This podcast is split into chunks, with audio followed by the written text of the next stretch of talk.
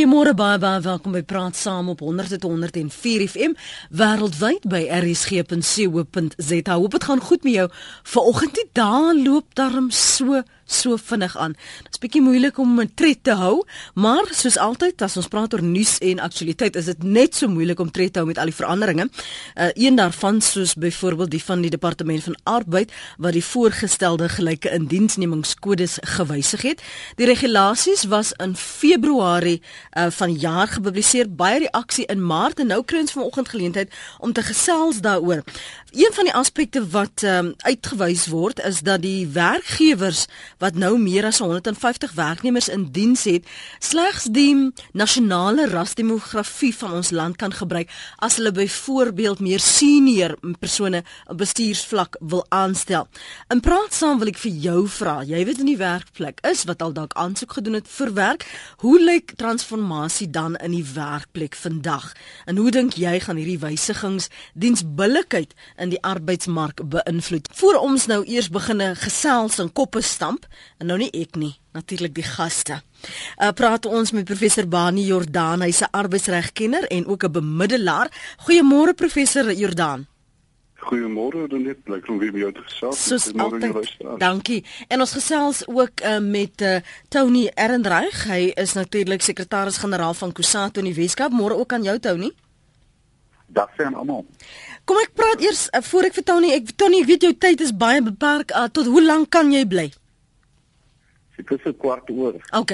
Kom ek vra dan vinnig vir jou, ehm um, professor Jordan, as ons praat oor die arbeidswet oor gelyke indiensnemingspraktyke, hoe het dit gelyk voor hierdie wysigings aangekondig is want as jy kyk na hofsaake van byvoorbeeld solidariteit en van ander instansies daarso in die Weskaap veral, dan lyk dit vir my asof daar groot ehm um, ongelukkigheid was in die wyse waarop regstellende aksie of gelyke indiensneming toegepas is net net ook sê dat ek tot so kort oor tyd het, ja. maar ehm um, daar was nog altyd onsekerheid oor die vraag moet werkgewers nasionale of of plaaslike demografie toepas.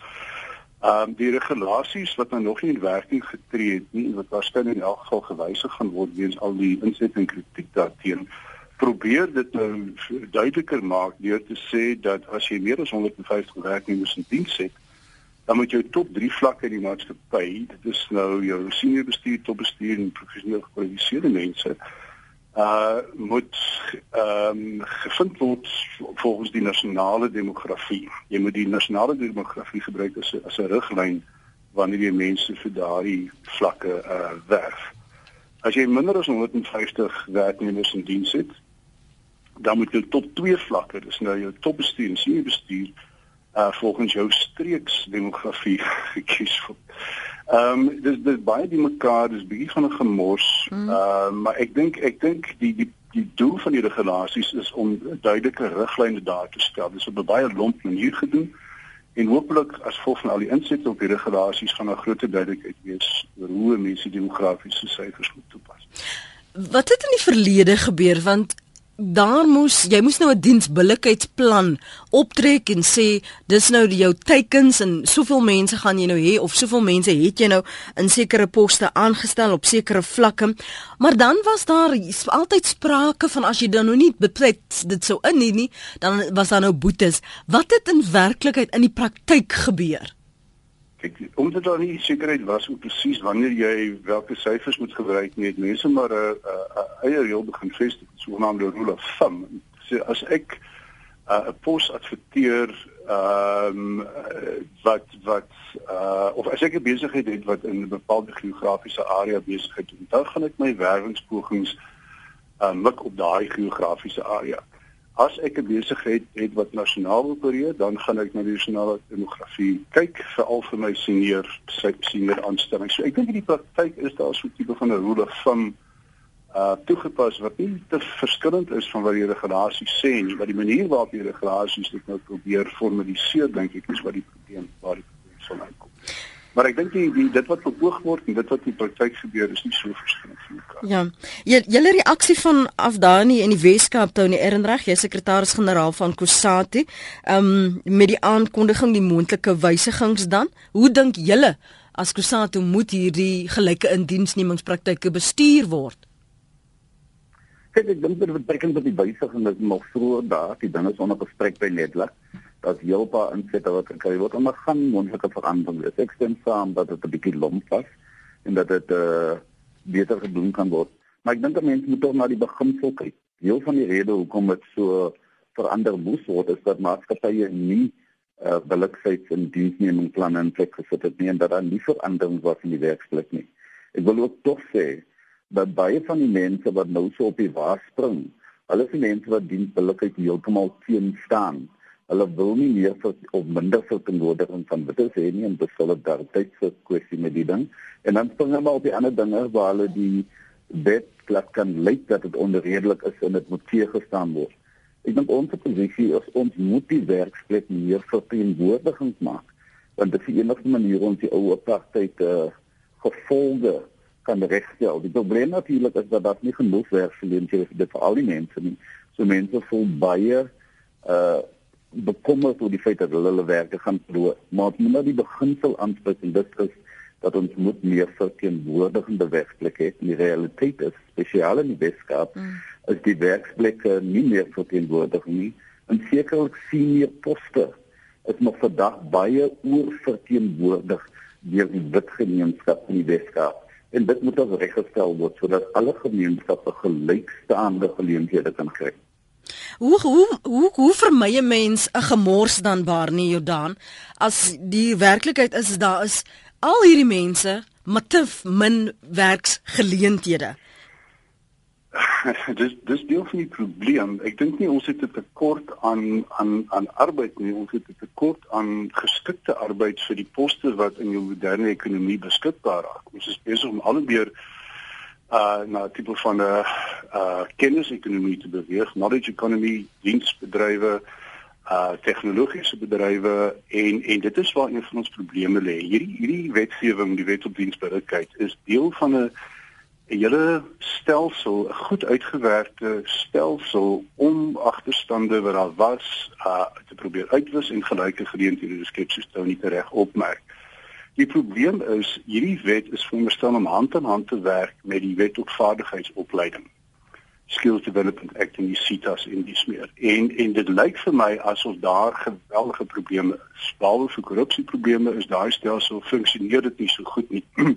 en dit was veronderstel om 'n pipeline te skep uh vir die die die die die die opleiding van mense sodat hulle binne die raamwerk van die diensbillikheidswet die geleenthede kan kry waar hulle uh geregtig is waarvan anders is uitgesluit is. Nou as een deel van hierdie stelsel nie werk nie, is al die druk op dit wat oorbly, jy weet op diensbillikheid om hierdie probleem op te los. En ongelukkig kan jy nie met wetgewing hearts and minds verander nie. En hierdie is 'n hearts and minds issue behalwe dat dit nou ook 'n konstitusionele verpligting is, ekonomiese noodsaaklikheid is moet ons ook werk aan aan mense se ingesteldheid ten opsigte van die wetgewing. En ek dink daar het almal baie belangrike rol om te speel uh die vakbonde, die regering, werkgewers en dis meer maar in tipiese Suid-Afrikaanse manier probeer ons mos as ons verskille het, ons probleme oplos deur op mekaar te gaan skree in plaas daarvan te sê hierdie is ons almal se probleem. Hoe neem ons hierdie probleem verder uh, vir vir Ek gaan nou vir uh, ons ander gaste geleentheid gee om te reageer. Wanneer omdat jy 'n bemiddelaar is, gee vir ons die aard van waar hierdie um, diensbillikheidskwessies in konflik was byvoorbeeld met wat in die praktyk gebeur en wat die wet sê wanneer jy by die KWV aangesit het. Ehm um, jong waar vir my ervaring is waar meeste van die konflik ontstaan is is binne ondernemings waar daar nou komitees is wat saam met die bestuur kyk na na die diensbillikheidsopset binne die bepaalde onderneming en waar die benadering dikwels 'n uh, posisionele benadering is. Dis my posisie, dis jou posisie in plaas daarvan dat mense sê kom ons hierdie is nie 'n loononderhandelingsforum nie. Kom ons kyk na wat is ons probleme binne die onderneming? Hoe bevorder ons groter verteenwoordiging? Hoe bring ons transformasie in die breë opsig uh uh in die breë sin van die woord uh uh, uh, uh tot tot tot tot tot uh, voldoening? En kom ons werk saam aan 'n plan. Dit is die een area waar die probleem ontstaan. Die ander area is natuurlik waar mense voel hulle word uh teen gediskrimineer, byvoorbeeld by uh wanneer hulle nie bevorder word nie, wanneer hulle aangestel word nie weens ras, geslag, kleur, uh swangerskap en dis meer. So dit is vir my waar die die die die die grootste konflik ontstaan. Is waar mense voel hulle reg om nie teen gediskrimineer te word nie, word aangetast. Uh en dan binne die ondernemings om te kyk hoe los ons ons verteenwoordigingsprobleme. Mm. En voor ek jou altoe groet Tony net so laaste punt van jou kant. Hoe gaan 'n mens dan nou seker maak dat jy nie oorverteenwoordiging het nie want die realiteit is in sekere provinsies is daar nou net meer mense van 'n sekere ras as in ander provinsies. Ja, dis kom ons heeltemal saamstem dat ons moet provinsiale demokrasie gebruik want dit neem in ag die historiese geleentheid van Suid-Afrika. Maar ek wil tog die baie kyk dis nie 'n objektiewe gesprek nie. Dit gaan oor strong vested interest. Dit gaan oor mense se belange. En ek het nog nooit 'n rapport gesien wat duidelik uitwys dat daar nie genoegsame mense met die vaardighede is om die poste te vul nie. En hier praat ek van swart mense, African colored and Indian. Maar die stories daar buite in die werklikheid is maar dat die swart mense nie ge uh dat nie die vaardighede het nie en dit kom hulle nie in die job is nie. En dit is maar die stories wat beskryf word deur die bestuur. Die bestuur is oor die algemeen wit. En so dit gaan oor die beskerming van belange. En soos ek dink aangedui word, moet ons 'n manier vind om net ooreen te kom dat ons moenie ding regstel in die kort termyn. En sommige mense gaan 'n bietjie swaar kry want ons moet plek maak vir ander. En sekere jobs sal ons moet plek maak vir swartes en ander jobs sal ons moet plek maak vir witte sal of onderverteenwoordigers. Maar sou mense moet moet rondskyf. Ons kennis van die werkplek as ons die vaardighede, maar as net die vested interest, die belange en as die ouens in die beheer, die blanke ouens dat hulle posisies probeer behou laat bly en dis hoekom hulle die instelling van die wet ondermyn. Dit was professor Bani Jordan, hy's arbeidsregkenner en bemiddelaar by die KBVA en ons het ook gesels met Tony Ehrenreich, sekretaris-generaal van Kusanto in die Weskaap. Albei is in vergaderings het uitgestap om vanoggend met ons vinnig te gesels en vir ons agtergrond te gee oor die voorstelle rondom gelyke indiensneming, uh, die kodes, die die riglyne en onhou net dis onder bespreking en dis wat ons oor gesels. Kom ons gee vir uh, Dirk Groenewald, hoof van Solidariteit se sentrum vir billike arbeid arbeidspraktyke geleentheid om saam te gesels môre. Goeiemôre Lenet, goeiemôre luisteraars. Ehm um, jy het nog gehoor wat sê professor Jordan dat dit eintlik maar 'n gemors was en dat hopelik gaan hierdie wysigings wat voorgestel is hierdie gemors opklaar en dat daar beter riglyne gaan wees.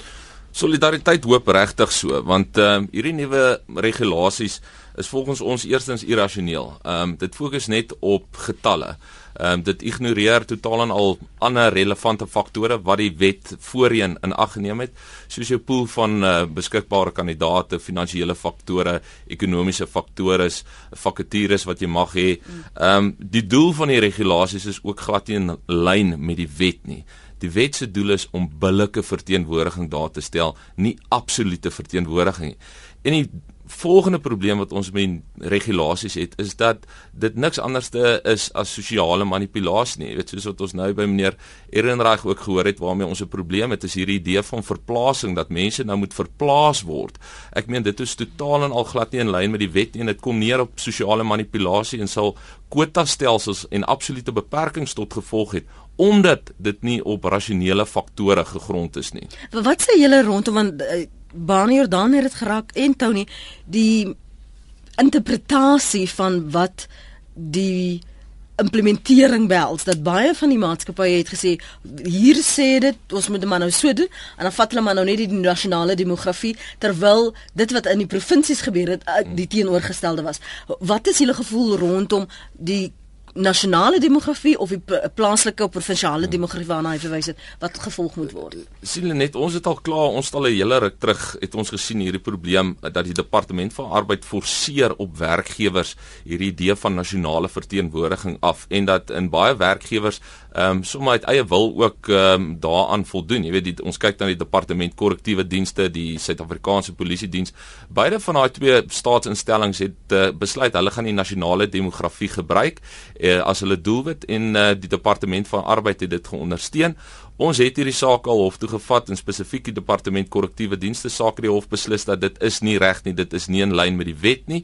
Uh en dat die streekse demografie ook in ag moet geneem moet word. Ons moet dalk 'n bietjie teruggaan en gaan kyk waar het hierdie idee, waar het hierdie probleem ontstaan. Want die wet soos hy was, artikel 42 het dit duidelik gemaak dat 'n werkgewer kan klomp faktore in ag neem om sy numeriese doelwitte daar te stel. So hy moet gaan kyk wat sy finansiële faktore, vakatures, die pool van beskikbare kandidaate waarna hy gaan kies en in ag genome al daai faktore moet hy dan vir hom 'n doelwit gaan stel wat hy voel rasioneel is. En voordat die departement van arbeid 'n werkgewer kan aanvat dat hy nie aan die wet voldoen nie, moet die departement ook na al daai faktore gaan kyk het. En die departement het toe gaan sit en gedink en uh, hulle het pak slag gekry in die hof in 'n kommer saak waar die hof hulle gesê het maar julle kan nie net getalle op hierdie um, instelling afforceer nie, julle moet na al hierdie faktore gaan kyk voordat julle hulle hof toe sleep.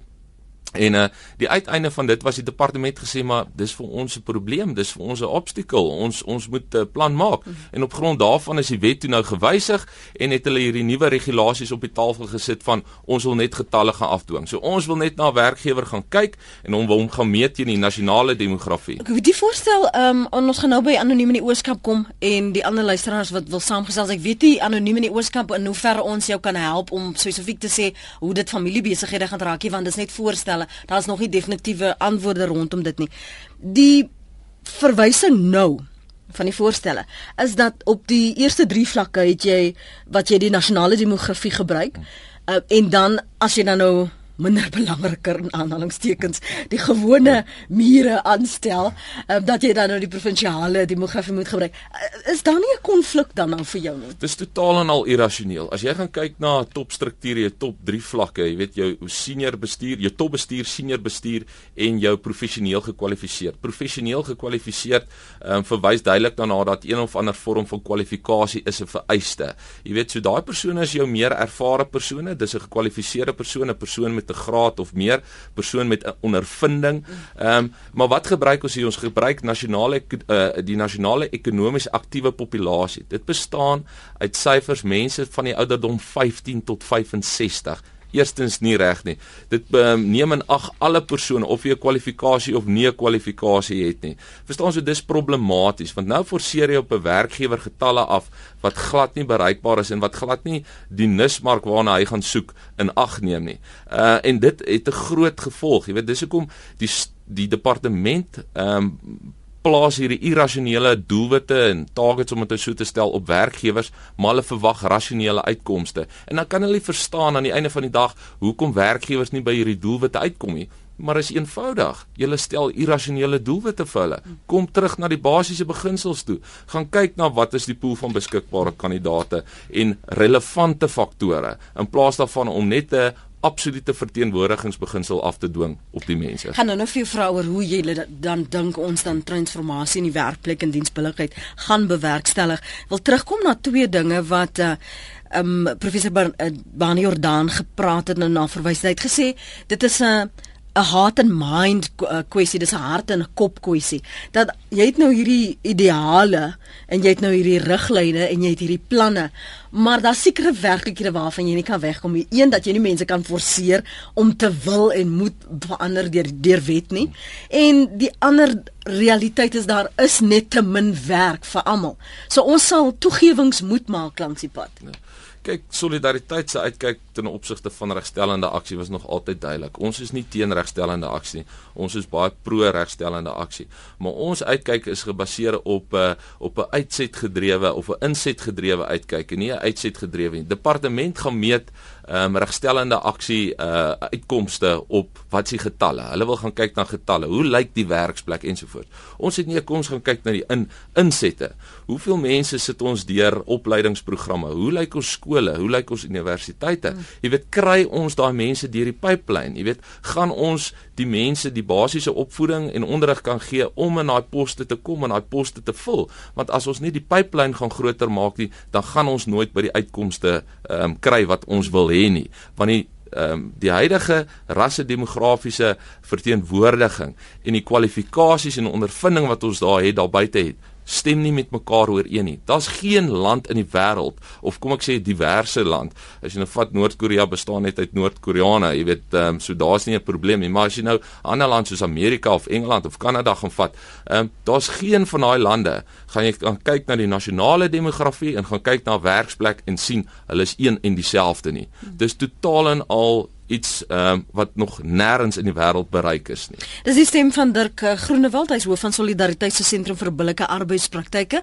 Ons vra vanoggend, hoe moet transformasie dan in die werkplek lyk en hoe dink jy gaan hierdie wysigings en ek vertrou nou dat jy 'n uh, idee het van wat hierdie voorgestelde wysigings is, ehm um, diensbillikheid in die arbeidsmark beïnvloed. 0891104553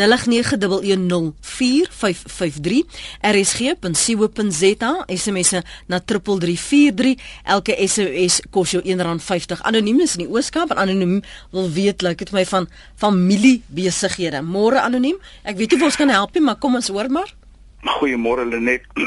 Lenet, ja, weet jy, dit gaan nou nie net om familiebesighede nie. Die, die die rede hoekom ek die woord gebruik is dit gaan my absoluut my verstand te bowe.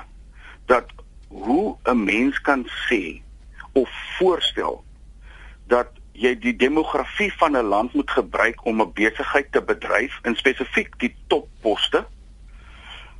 En wat jy dan basies doen is jy vat vir A en B en C, haal hulle uit en vervang hulle met E, F en G. Nou beteken dit dat A, B en C is nou weer werkloos. E, F, G is nou baie gelukkig want hulle het nou glo werk. Nou dit is mos nou nie die oplossing vir 'n land se ekonomie nie die oplossing vir die land se ekonomie soos meneer Ehrenreich gesê het, hy sê daar is oor genoeg intelligente mense om hierdie poste te vul. Nou wil ek vir hom voorstel dat as daar dan oor genoeg intelligente mense is, laat hierdie intelligente mense dan hulle eie besighede stig en dan is hulle mos van selfsprekend mos nou die baas of wat ook al van die besigheid.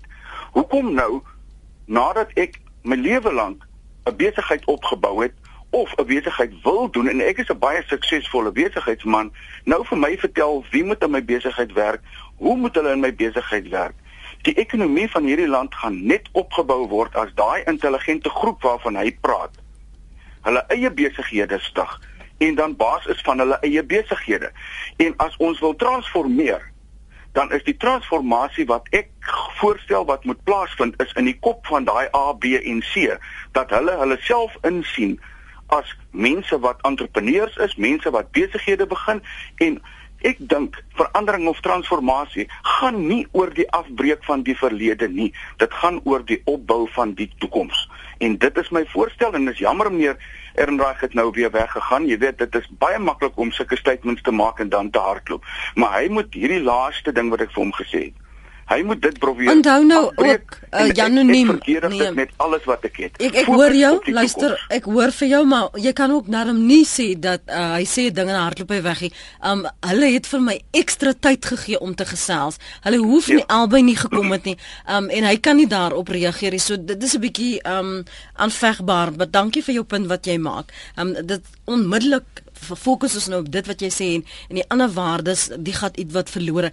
Um nie almal kan besighede begin al is jy hoe gekwalifiseerd en hoe intelligent, maar die gevoel wat ek kry van wat hy sê is moenie vir my voorskryf nie, veral as ek so al belê het in my eie in ons familie besigheid, dan wil ek hê wetgewing vir my voorskryf, dan moet ander maar dit ook uh, gaan probeer ek ek ek, ek dink is net dis menslik, jy weet dat 'n uh, dat 'n persoon wat 'n werk opgebou het, sy besigheid opgebou het, jy weet oor 20, 30, 40 jaar, ehm um, teen jy weet sal teensit teen enige vorm van inmenging met sy besigheid of dit mm. nou op grond van employment equity of wat ook al is. Mm -hmm. Die einde van die dag is 'n mens moet na die wet gaan kyk en gaan bepaal wat vereis die wet van my. Uh en 'n mens moet jou nie laat voorskryf deur wat in die media per se rondgaan of wat dan net bloot gesê word jy moet doen nie. Gaan kyk na wat sê die wet. Die wet is duidelik, dit is slegs van toepassing op uh, werkgewers met 50 of meer werknemers en of uh, werkgewers met 'n spesifieke jaarlikse omset van in elke industrie se eie um, spesifieke omset waarna gekyk moet word. So jy moet een gaan kyk, val jy in daai kategorie. Tweedens moet jy gaan kyk wat word daar van jou vereis. Die wet het basies twee vereistes op werkgewers. Een, jy moet alle forme van diskriminasie in 'n werksplek gaan uitwis. Uh mhm. -huh. En twee, jy moet uh, prosedures in plek stel om billike verteenwoordiging daar te stel. Nou die nuwe wet in die nuwe artikel 42 maak dit duidelik dat as die departement van arbeid aan jou deur kom klop en vir jou sê hoor jy het nou net nog mooi niks gedoen ten opsigte van jou regstellende aksie nie en kyk hoe lyk jou werksplek. Ehm um, is, is jy geregtig om enige faktor wat jy ag relevant is te opper en om te sê hoekom jy nie uh, verteenwoordigend is en hoekom jy nie um, jy weet regstellende aksie tot so 'n mate bereik het wat hulle wil hê nie. Maar wat baie belangrik is, Die wet skryf billike verteenwoordiging voor. Nêrens in die grondwet en of in die Employment Equity Act sal jy gaan kry dat die wet sê jy moet die nasionale demografie of jy moet die streekse demografie ensovoorts. Die wet sê daar's klomp faktore, mm. neem dit in ag en jy moet net vir jou doelwitte daar stel. Maar hoe gaan jy in elk geval want ehm um, moet daar nie 'n omskrywing wees van wat is dan nou diensbillik nie? Ek ek dink dit is ek dink dit sal ehm um, problematies wees as die wet spesifiek ehm um, 'n 'n ras of 'n nasionale demografie of streekse demografie of so iets voorskryf. Want soos ek nou nou ook genoem het jy weet daai ehm um, doelwitte wat hulle daar stel strook nie met relevante faktore nie. Jy weet, jy moet gaan kyk, maar wat is ek ek vat 'n simpel voorbeeld in Amerika het hulle gaan kyk en het in daai hofsaak het hulle gaan sê luister hierso maar as ek uh, wil uh, meet en gaan kyk wat is my doelwitte um, en hulle het polisie um, gebruik, dan gaan kyk hulle sê net maar na die na die onderste vlak van polisie manne wat nie moontlik na die volgende vlak toe kan gaan. En hulle gebruik daai onderste vlakke van verteenwoordiging om die verteenwoordiging van die boonste vlakke te gaan betaal. Want dit is die groep waar jy kan gaan kies. Ehm um, as jy 'n werkgewer is en jy het ehm um, jy weet vir 'n feit dat hoorie so in die volgende 5 jaar het almal bewys of gesê hulle gaan ehm um, by my bly. Hulle hulle het 'n belang by die werk. Hulle al gaan nie vakatures wees nie. Hoe kan jy dan nou 'n doelwit vir jou stel om persone aan te stel en te bevorder as jy weet daar gaan nie sulke wees nie. So dis relevante faktore wat jy in ag kan neem. Die die ander ding wat hy na verwys het was maar ons kan nou net daarby uitkom ek lyk vir my asof ons ander gas op die lyn is. Dis advokaat Johan Kreer, hy's direkteur by die Sentrum vir Grondwetlike Regte. Goeiemôre advokaat Kreer. Môre. Die die implikasies veral van van regte en hoe konstitusioneel hierdie verwysings is hierdie ehm uh, wysigings verskoon my die voorgestelde wysigings. Wat is die problematiese areas waarop ons bedag moet wees? Van vanuit die die sentrum vir grondwetlike regte se oogpunt het ons baie pertinent gekyk na die toepassing van artikel 9 van die grondwet wat gaan oor die die reg op gelykheid nie net met die nuwe wetswysiging nie, ook met die regulasies in in besonder wat in terme van die wysiging uitgevaardig word. Die die, die probleem wat ons daarmee ondervind en wat ons in ons voorlegging met minister voorgehou het, wyse waarop die bereiking van gelykheid geïnterpreteer word, die reg op gelykheid. Uh, en tot watter mate dit gedoen word in konteks van die grondwetlike waardes, die die, die, die werklike fundamentele waardes wat insluit uh, nie net die bereiking van gelykheid nie, maar ook 'n nie-rassige samelewing gebaseer op gelykheid uh, wat seksisme uitsluit en wat wat nie-rassigheid uh, bevorder. En en die die wyse wat die regulasies van die, die nuwe wetgewing op hierdie stadium probeer gelykheid bereik kom kom neer op op onregmatige diskriminasie. Uh die die grondwet vereis nie uh, op op enige plek die die verteenwoordiging of die bereikheid van gelykheid deur verteenwoordiging demografies uh, numeries bepaal nie. Jy nog twee plekke in die grondwet waar daar gepraat word oor die bereiking van gelykheid in die uh, in die, in die regbank uh en en primate wat die staatsdiens betref en daar verwys die grondwet spesifiek na 'n uh, breë verteenwoordiging van Suid-Afrika. Dis die enigste aandering wat ons kry. Wat belangrik is dan is dat die, die regering nie kan in regulasies en in wetgewing vervat dat op persentasies soos byvoorbeeld in die Weskaap waar in feite van die samelewing uit bruin sertifikate bestaan uh, slegs 'n uh, sekere bepaalde hoeveelheid op nasionale demografiese demografiese verteenwoordiging van 9% byvoorbeeld op sy gesit kan word vir vir, vir uh, employment of vir, vir werkgewing. Mm. Die die gevolg is eenvoudige absolute uitsluiting die, die gevolg van daai regulasies is dat die eenvoudig weer eens absoluut uitgesluit word op grond van van van ras en en kleur. Uh, wat wat ongrondwetlik is, dit is nie by die grondwet vereis in 'n najaag na 'n gelyke samelewing en die bereiking van van gelykheid nie.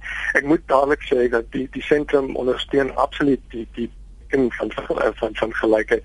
En en die wyse waarop die grondwet dit voorskryf die die meganismes wat kan word regstellende aksie deur middel van wetgewing en regulasies. Dis toelaatbaar in terme van die grondwet. Die probleem is hoe dit gedoen word. Mm. die probleem is hoe dit geïnterpreteer word en en hoe daar deur middel van anders as 'n kwota stelsel uh, en en en en persentasie bereik al wat die in terme van ras jy of jy 'n werk kan aanvaar of of uh, of jy aangestel kan word nie. En en dit is eenvoudig nie in lyn met die grondwet nie. Die laat ons net gou-gou teruggaan na na uh, jy het dit ongelukkig nog nie gehoor die advokaat Kreer maar maar vroeër het baan professor Bani Jordaan gesê jy kan nie met wetgewing mense se harte en hulle kop redenasies en kwessies reguleer nie as as as dit die werklikheid is wat ons baie almal sien in die praktyk veral as jy sien ook die toepassing en implementering van die die die wetgewing hoe gaan ons dan hierdie transformasie in die werklik bewerkstellig sonder om teenoor iemand anders te diskrimineer en te vervreem. Ja. Ek ek, ek dink jy raak twee belangrike punte aan die die een kan so fondasie bou. En en die beginsel van van uh, bereiking van gelykheid deur perspektiewe van individue. En dit is geweldig belangrik.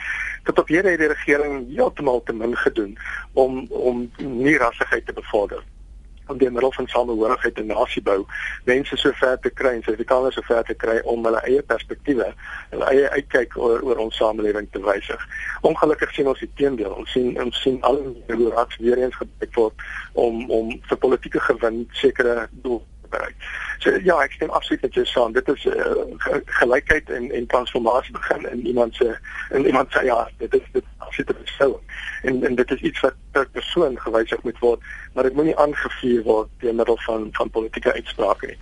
Die die die tweede punt uh, oor wetgewing en en daarmee stem ek absoluut saam dat mens kan nie ongelukkig in 'n samelewing soos Suid-Afrika waar ongelykheid uh, in die wese van ons samelewing bestaan weens die laaste 300 jaar se gebeure.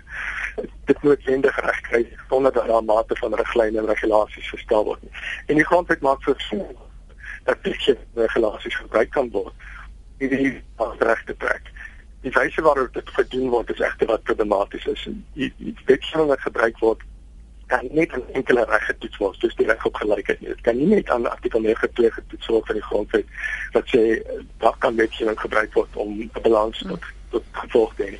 Hierdie reg moet geïnterpreteer word in 'n gebalanseerde wyse teenoor die res van die handves van regte, teenoor die artikel 1 grondwetlike waardes.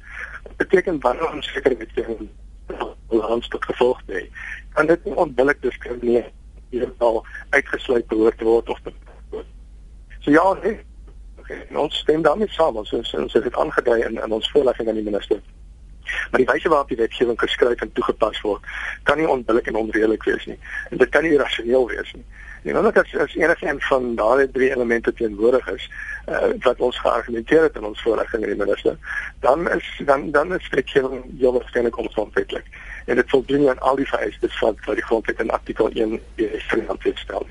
Jou reaksie op wat advokaat Kreer sê? Ja, ek stem 100% saam met uh, wat advokaat Kreer sê en ek dink ek kan net daarbey byvoeg, jy weet dat ons konstitusionele hof het al uitspraak gegee oor hoe regstellende aksie toegepas moet word en hoe dit moet wees en hoe dit nie mag wees nie. Hmm. En die konstitusionele hof het duidelik gesê en ek ek gaan dit sommer aanhaal. Hulle het gesê dat if the remedial measures are arbitrary, capricious or display naked preference they could hardly be said to be designed to achieve the constitutional authorized end. Hmm. En dis die beginsel, jy weet jy jy kan nie ons kan nie 'n vorige verkeerd met 'n nuwe verkeerd probeer regstel nie. Jy weet dit moet gebalanseerd en in die in die in in lig van die grondwet en in lig van die wetgewing hmm. toegepas word.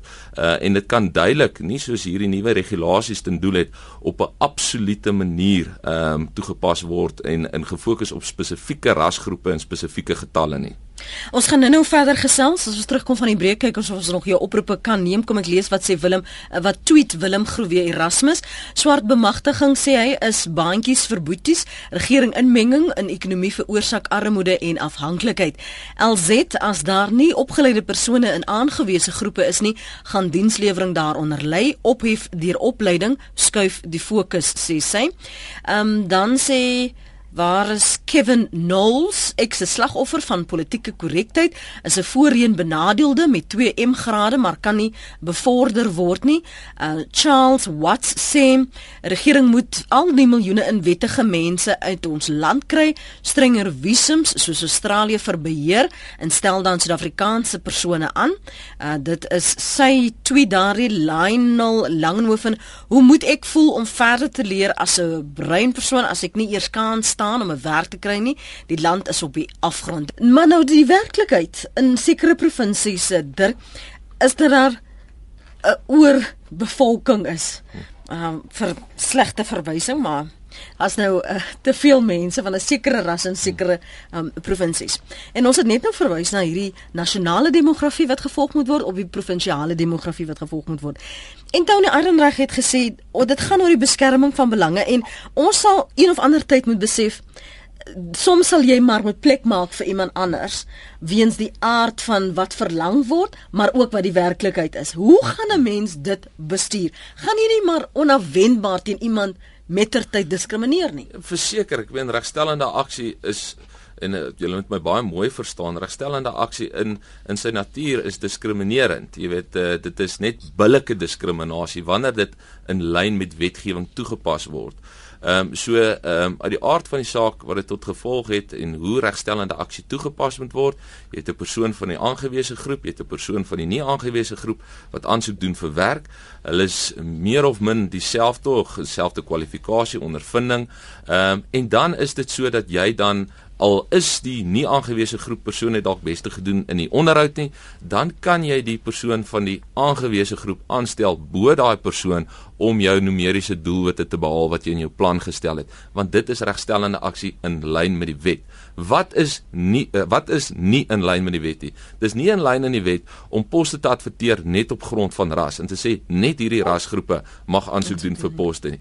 Dit is nie in lyn met wet en of met die howe se uitsprake om poste wat hulle noem ringfence, uh om poste vakant te laat. Jy weet die die hoogste hof van appel, ons wag nou vir die konstitusionele hof uitspraak in die Barnard saak, het gesê dat dit is 'n hierdie meganiese wiskundige toepassing van regstellende aksie waar ons net fokus op nommers en getalle is nie in lyn met die doel en oogmerk van die wet, die Employment Equity Act en die grondwet nie. Dit kom neer op onbillike diskriminasie. Ons sien nou nuwe situasies wat opduik waar werkgewers uh, waar hulle besig is met afleggings dan gebruik hulle as een van die kriteria employment equity. Dan word 'n persoon effektiewelik ontslaan en hy verloor sy werk op grond van sy ras omdat 'n werkgewer sy getalle wil behou uh, of of sy ja getalle wil behou. Die hof het al klaar gesê uitsprake gegee rondom dit en gesê dit kom neer op onbillike diskriminasie mm. jy mag dit nie doen nie. Jy kan dit nie doen nie. Die wet is duidelik. Dit is slegs regstellende aksie wat in lyn met die doel en oogmerk van die wet toegepas word wat sal neerkom op billike diskriminasie. En ons moet dit duidelik maak dat daar's baie forme van regstellende aksie waar werkgewers dink hulle pas nou regstellende aksie toe, maar hulle is eintlik besig met diskriminerende praktyke. Uh, ons het dit duidelik gesien onder andere met ons Wes-Kaapse saak. Jy weet waar daai persone in die werkgewer en selfs die vakbond waarna hulle behoort het, het in die hof kom argumenteer en kom sê maar dit wat die werkgewer doen is reg en korrek. Kom ons hoor wat sê ons luisteraars Henk in Durban wil en albei hou vir ons aan môre Henk. Môre net, uh, môre aan jou gas. Ehm um, ek ek het net so 'n stuk geluister waar julle praat van die drie die top strukture wat nou geteken en geoogmerk word. Ehm um, in terme van blanke mans, ehm um, so ek ek was geforseer om my eie besigheid te begin so so 'n klompie jare terug. Mm -hmm. Maar die punt vir my bly staan dat as jy kyk na die getalle in terme van die ongeskoolde arbeid. As ek nou gaan besluit ek gaan nou ek wil nou 'n 'n 'n brickleier word of 'n huisbouer of ek wil nou op 'n pad gaan werk is die kans nul dat ek aangestel gaan word want da, want die getalle in terme van uh, ander uh, verteenwoordiging uh, is oorweldigend teen my in terme van ongeskoolde arbeid. Waar moet ek gaan aansoek doen vir 'n pos? Die enigste poste wat nog moontlik uh, meer dingend is is in terme van topbestuur. En as jy nou daai gaan wegvat, waar gaan waar gaan ons werk kry? Ons kan nie uh, met ongeskoolde arbeid kompeteer nie waar moet waar moet jy nou anders gaan gaan kompeteer as op op grond van jou kennis en en jou kwalifikasies en jou ondervinding? Hm. Dankie vir jou bydrae Henk. Ehm um, en dan gesels ons in Durban wil met Elbi. Hallo Elbi. Hallo. Ja, ons luister. Môre. Dis Albi wat praat van die stand. Mm -hmm. Ek wil net een aspek uitlig wat uh, die eh uh, sprekers sover ignoreer. Dis die feit dat daar nou besluit word of gebespreek word oor die feit of die gelykindiensdoel wetgewing toegepas gaan word al dan nie die demografie van die van die eh uh, nasionale demografie op die Weskaap spesifiek byvoorbeeld daar is reeds 'n wetgewing aanvaar die uh, nuwe uh, eh, BEE wetgewing is reeds in Oktober verlede jaar aanvaar en daar is dit reeds ingeskryf dat die nasionale demografie gebruik moet word by die toepassing van die van gelyk ja asof vaardigheidsontwikkeling. Met ander woorde alhoewel hierdie mense nou gesels daaroor en redeneer daaroor is dit klaar in die wet ingeskrywe. En daarvoor geskryf voor die breinmense net 'n 1/6 telling en breinvroue net 'n 1/6 telling dis reeds wet en dit tree in werking by die 1 Mei volgende jaar. Ehm um, en die slegte deel van daardie wetgewing is dat dit daar was 'n 60 dae termyn waar mense kon reageer uh, en toe daardie uh, uh, kondig is in staat Oktober 2012 toe trek uh, meneer Enerberg gaan van sy vennote weg met die grootste landboustaking wat ooit beleef het. So terwyl daardie erge staking en oproering in die dorings in gang was, het hierdie 60 dae uitgeloop en die die wetgewing is deurgevoer sonder spesifiek die breinmense van die Kaap uh, kennis geneem daarvan. En nou soos ek sê, hierdie wet waar uh, gelyke dienstneming nog 'n werkgewer kan besluit gaan ek die pad loop is die nuwe biewetgewing reeds daar dit word afforceer op op op besighede word afforceer op boere. 'n boer kan byvoorbeeld nie enige water aansoeke hernie of voor aansoek doen of 'n nuwe dam bou as hy ten minste op vlak 4 is nie.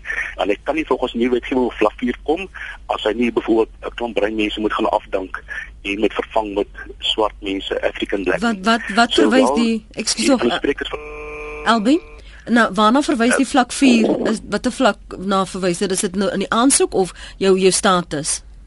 Jou status, jou jou jou, jou TCB status. Die meeste mense verwag of die meeste entiteite verwag 'n vlak 4. Ehm um, en jy kan glad nie 'n vlak 4 bereik 'n boerdery as hy in die toekoms nie uh uh drasties gaan sny op die byvoorbeeld in die Weskaap hy moet drassies sny op die opleiding van breinmense en hy moet drassies sny op die aanstelling en die bevordering van breinmense. Mense kan na die wetgewing gaan kyk. Uh en hy's reeds gefinaliseer, hy's afgehandel.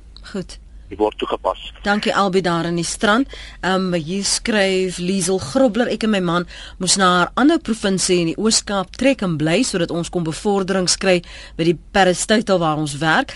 Daar was volgens die kwotasisteem nie geleenthede vir bevordering in ons Pretoria tak nie omdat ons wit was. Dit was baie moeilik vir ons en ons was baie bitter.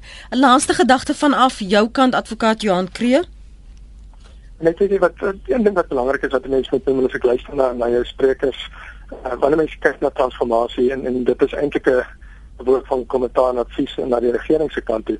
Dit transformasie is nie 'n eenvoudige uh, uh, aspek wat deur middel van wetgewing alleen aangespreek kan word nie. Die die wye konteks wat dit met on, ondergrond, die die feit dat jy behoorlike onderwysstelsel het wat funksionerend is, dat jy se oplei om wel in 'n werksaam aangestel te kan word.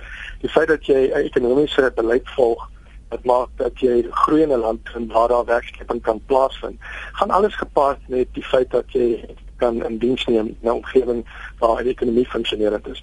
So dit is goed en wel om wetgewing in, in in plek te stel om gelyke te bevorder maar mens moet dan met geskoolde mense uh, sit wat wat aangestel kan word vir die behoorlike onderwys ondersteuners in 'n ekonomie waar werk geskep kan word. So mens praat van etlike aspekte in en beleidsvorming wat saamgaan om van 'n uh, land se transformasiebeleid te sukses te maak om om 'n gelyke gemeenskap tot gevolg te hê. Dit kan nie eenvoudig 'n kliniese oefening is deur middel van 'n bestel wetgewing of regulasies wat eenvoudig op ras gebaseer is.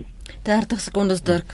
Ja, ek wil net uh, ook bevestig, jy weet, uh, as 'n werkgewer om te bepaal, ehm um, jy weet of sy regstellende akstrede optrede in lyn is met die wet, is daar drie toetse of drie vrae wat ons vra. Een is, is dit om billike verteenwoordiging daar te stel of absolute verteenwoordiging? Want die wet se doel is billike verteenwoordiging. Is dit daar om redelike akkommodasie te te skep vir die mense van die aangewese groep of absolute akkommodasie? En derdens kom dit neer op 'n kwota stelsel en 'n absolute beperking tot sekere rasgroepe. Hierdie drie toetse behoort jou in staat te stel om te bepaal of jy in lyn met die wet optree of teenstrydig met die wet optree. Baie dankie aan my gaste vanoggend. Dit was Dirk Groenewald, hoof van Solidariteit se sentrum vir billike arbeidspraktyke. Op die lyn was uh, advokaat Johan Kreer, hy is die direkteur vir die sentrum vir grondwetlike regte. Vroeër ook vanoggend gesels met Tony Ehrenreich, sekretaris-generaal van Kusatu in die Weskaap en professor Bani Jordan, arbeidsregkenner.